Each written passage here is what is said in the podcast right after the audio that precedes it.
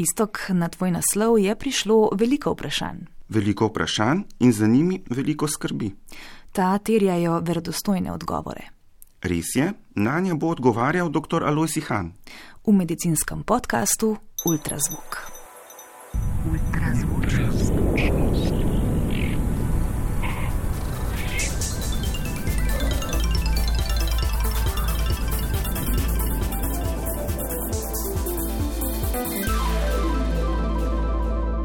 Ultrazvok.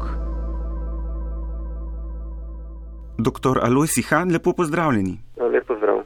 Dobrih novic o COVID-u je vedno več. Slovenija je v zeleni fazi, v bolnišnicah je manj bolnikov s COVID-om, vedno več prebivalk in prebivalcev pa je cepljenih proti COVID-u. So pa tudi slabe novice, pri cepljenju zaostajamo za poprečjem Evropske unije, Zraven pa še nesrečna smrt soproge slovenskega diplomata v Bruslju, ki časovno sovpada s cepljenjem s cepivom Janssen. Katero vprašanje o cepivih in COVID-u pa vas v tem trenutku najbolj zaposluje? Ljudje seveda izrazito veliko sprašujejo. Morda najpogostejše dileme so vendarle te dileme okrog MRNK cepiv in pa okrog vektorskih cepiv. Se pravi, ljudje vendarle še vedno nekako strah, da bi se cepili za vektorskimi cepivi in odtot številna vprašanja, kako bi izbrali cepivo za določeno stanje, za določeno kronično bolezen. Tudi naša poslušalka sprašuje, zakaj se strtki po cepljenju za AstraZeneca in pa Jansnom, to sta obi vektorski cepivi, pojavljajo najpogosteje pri ženskah zanimajo, če samo pri ženskah ali tudi pri moških? Ne, ni, ni omejeno na spol. Torej, podrobnejše analize kažejo, da pravzaprav je bil sprva res vtis, da je to pri ženskah in da je pri mlajših ženskah. Ampak kasnejše analize kažejo, da, da pravzaprav ta spolna in pa starostna uh, determiniranost ni tako jasna ob teh maloštevilnih primerjih.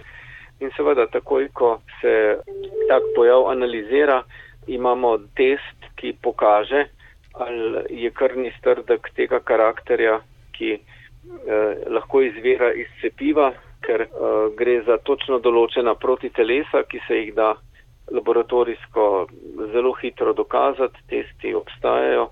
In torej, če se dokaže ta protitelesa, potem je to precej jasna povezava z cepivom, če pa teh protiteles ni, pa lahko nekako zavrnemo to povezavo, da bi šlo za ta specifičen uh, mehanizem po cepivu. Kakšen je pa vaš nasvet glede cepljenja tistim, ki so že imeli trombozo, globoko vensko trombozo, recimo po porodu, po dolgem letu, ali pa je imel strdek kdo v njihovi družini?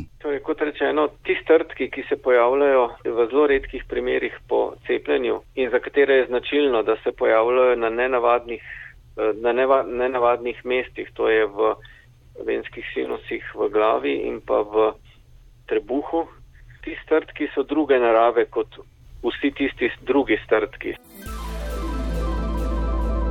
Ultrazvok. Dr. Han, Evropska agencija za zdravila EMA je odobrila vlogo za pogojno dovoljenje za cepiva proti COVID-u. Pfizer, Moderna, AstraZeneca in pa Janssen. Kaj to pomeni? Zakaj je to dovoljenje pogojno? Poslušalec, ki nas je namreč poklical, opozarja, da so cepiva, s katerimi se cepimo proti COVID-u, še vedno v eksperimentalni fazi. Ne, niso v eksperimentalni fazi. Eh, pogojno dovoljenje je pač dovoljenje, ki ima svoj status eh, in to ni status eh, kliničnega eksperimenta. Ti eksperimenti so upravljeni, ko se konča tretja faza kliničnih testiranj. Pogojno je pa zaradi tega, ker se ta tretja faza pri običajno vleče nekako do drugega leta po začetku testiranja to je nekako uh, običajno pri cepivih, čeprav vemo, da, da, da se praktično vse tiste pomembne komplikacije oziroma, oziroma neželeni učinki pojavijo v prvih mesecih uh, po cepljenju, ampak vendarle dve leti traja ta postopek običajno. Seveda je pa možno uh, v primeru potreb, ko se presodi, da, da bi bila škoda tega čakanja bistveno večja, kot pa če se dobi dovoljenje prej, je možno, da je začasno dovoljenje zaradi presoje, da, da je pravzaprav to nujno, ker s tem uh, lahko prihranimo veliko človeških življenj. In zato so ta cepiva dobila pogojno dovoljenje. To pomeni, da bo uh, doba opazovanja še vedno trajala dve leti, vendar um, so pač regulatorni organi presodili, da bi bila cena ki bi jo plačali za dvoletno čakanje, zanesljivo mnogo, mnogo večja, kar se tiče uh, cene človeških življenj, kot pa se bo zgodilo to v primeru, ko so cepiva dobila pogojno dovoljenje in lahko pravzaprav delujejo že takoj. Kar, in to se je tudi izkazalo kot izjemno pametno, kajti um, zdaj je cepljenih že več kot milijarda ljudi in države, kjer je precepljenost eh, že visoka, eh, kot je recimo Izrael in so že lahko naredile eh, jasne statistične analize, pri teh državah je jasno, da so v bolnicah praktično samo ljudje, ki niso bili cepljeni. Medtem ko ljudje, ki so bili cepljeni, niso v bolnicah. To pomeni, da, da se vse tiste hospitalizacije in pa smrti pravzaprav prihrani, če se cepi. In to je seveda zelo utemeljen razlog za to, da je bila ta odločitev z pogojnim dovoljenjem pravzaprav pravilna, ker enostavno že zdaj vidimo, da bo ta odločitev pomenila rešitev ogromnega števila življenj. Cepivo sproži pričakovano reakcijo imunskega sistema, povzroči lahko tudi neželene stranske učinke, od blažjih do težjih. Poslušalec še pravi, da nihče ne nosi odgovornosti, da nihče ne odgovarja za posledice, ki nastopijo po cepljenju. To ni res, to je neko prepisovanje, eh, bom rekel, mnen iz ameriškega okolja. V ameriškem okolju eh, je bila eh, že pred cepivi za COVID, je bila seveda neka razprava pred nekaj leti, ko so namesto možnosti, da vsak, ki se mu pojavijo neželeni učinki, eh, neposredno toži s pomočjo odvetnikov tovarno, ki je proizvedla cepivo, so v Ameriki uvedli eh, nekakšno obvezo, da se ti neželeni učinki najprej preverijo pri komisiji za ugotavljanje teh eh, neželenih učinkov in se šele potem odloči o odškodninah. Se pravi, američani so hoteli preprosto preprečiti to uh, uh, ekscesno kulturo uh, visokih tožb, ki, ki so seveda v Ameriki znane, ker se prav odvetniške hiše specializirajo na to, da organizirajo tožbe z milijonskimi uh, zahtevki uh, in se je pač uh, ameriškim regulatorjem zelo smiselno, da je vmes med odškodninskimi zahtevki in med cepljenimi, da je vmes še en uh, organ, strokovni organ, ki potem v resnici presoja. Se pravi, da ni na koncu odločitev odvisna samo od spretnosti odvetnikov, ampak je vmes tudi neka strokovna presoja. In zaradi tega je nastala, bom rekel, predvsej ta floskula, da, da, da pravzaprav tovarne za cepiva ne, ne odgovarjajo, ker so se odvetniki seveda temu upirali. V Evropi velja eh, za cepiva popolnoma enako, kot velja za vsak drug proizvod. Proizvajalci so odgovorni tudi očkodninsko, če naredijo v tem procesu proizvodne cepiva napako, torej če naredijo nekaj, kar ni deklarirano, kar ni Eh, točno na tak način proizvedeno, kot so odobrili regulatorni organi. Torej, če se naredi te vrste proizvodna napaka, potem uh, vsekakor proizvajalci očkodninsko odgovarjajo.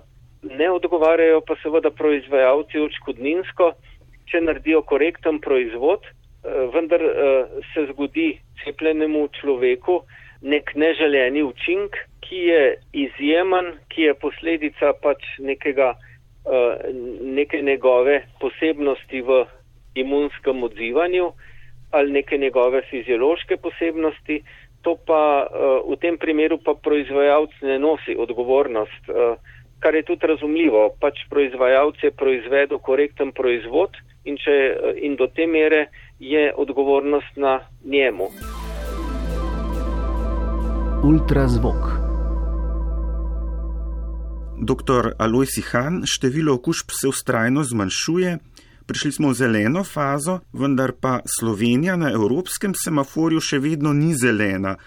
Po evropskih smernicah je Slovenija v primerjavi z drugimi državami še vedno v rdeči fazi. Eh, ja, torej drži. Nekako v Sloveniji smo se navadili na kar visoke številke. Eh, verjetno zato, ker, smo, ker je bila pri nas ta epidemija pravzaprav res zelo, zelo razširjena. Eh, se pravi, imeli smo zelo hudo epidemijo, hujšo kot v marsikateri državi in seveda, ko se postavlja te barne semaforje, se navadno skuša postavljati uh, barne semaforje na tistem območju, kjer bi nekako hitro zaznali spremembo na bolje in zaradi tega so bile te barne lestvice v Sloveniji pravzaprav postavljene dokaj visoko glede na uh, to, kakšno je bilo naprimer stanje epidemije na začetku epidemije pri nas. Ne. To ima svoj, uh, svojo utemeljitev, seveda pa bi bilo potem zaradi tega škodljivo, če bi se zdaj, ko bomo glede na naše barne lestvice prišli v zeleno fazo, če bi mislili, da je te epidemija konc. Uh, ampak v vsakem primeru pa velja, da tisto, kar uh, vzbuja upanje, je to, da vendarle uh, cepljenje poteka množično. Zdaj je pravzaprav že toliko ljudi cepljenih, da uh, vsak pozna koga, ki je cepljen in to pravzaprav spodbuja cepljenje. Se pravi, če poznam jaz uh, tri, štiri, pet ljudi, ki so cepljeni, potem se mi cepljenje ne zdi več nekaj, uh, o čemer je treba ne vem kako razmišljati, ampak to postane nekaj, kar je domače, kar delajo tudi drugi in uh, potem se na tem valu pravzaprav cepljenje močno pospešuje in jaz mislim, da smo že preko te meje, ko bi bilo še problem dosegati motivacijo za cepljenje, zdaj se bodo ljudje uh, enostavno cepili zato, da bodo imeli te praktične omejitve, uh, ki sledijo iz tega, da človek ni cepljen oziroma ni prebolu, da bi pač nekako premagali te praktične omejitve. Seveda najprej se ponuje omejitev glede potovanj, pa potem omejitev glede obiskovanja restauracij, koncertov in vsega tega. Jaz sem prepričan, da ljudje želijo pravzaprav na nek način iti eh, ven iz teh omejitev in eh, če bodo ljudje pri sebi poskrbeli za to, da bodo osebno se sprostili lahko teh omejitev, bomo to seveda dosegli tudi kot skupnost. Doktor Ihan, hvala lepa, da ste si vzeli čas in odgovorili na vprašanja poslušalk in poslušalcev. Ja, hvala vam. Nasvidenje, srečno.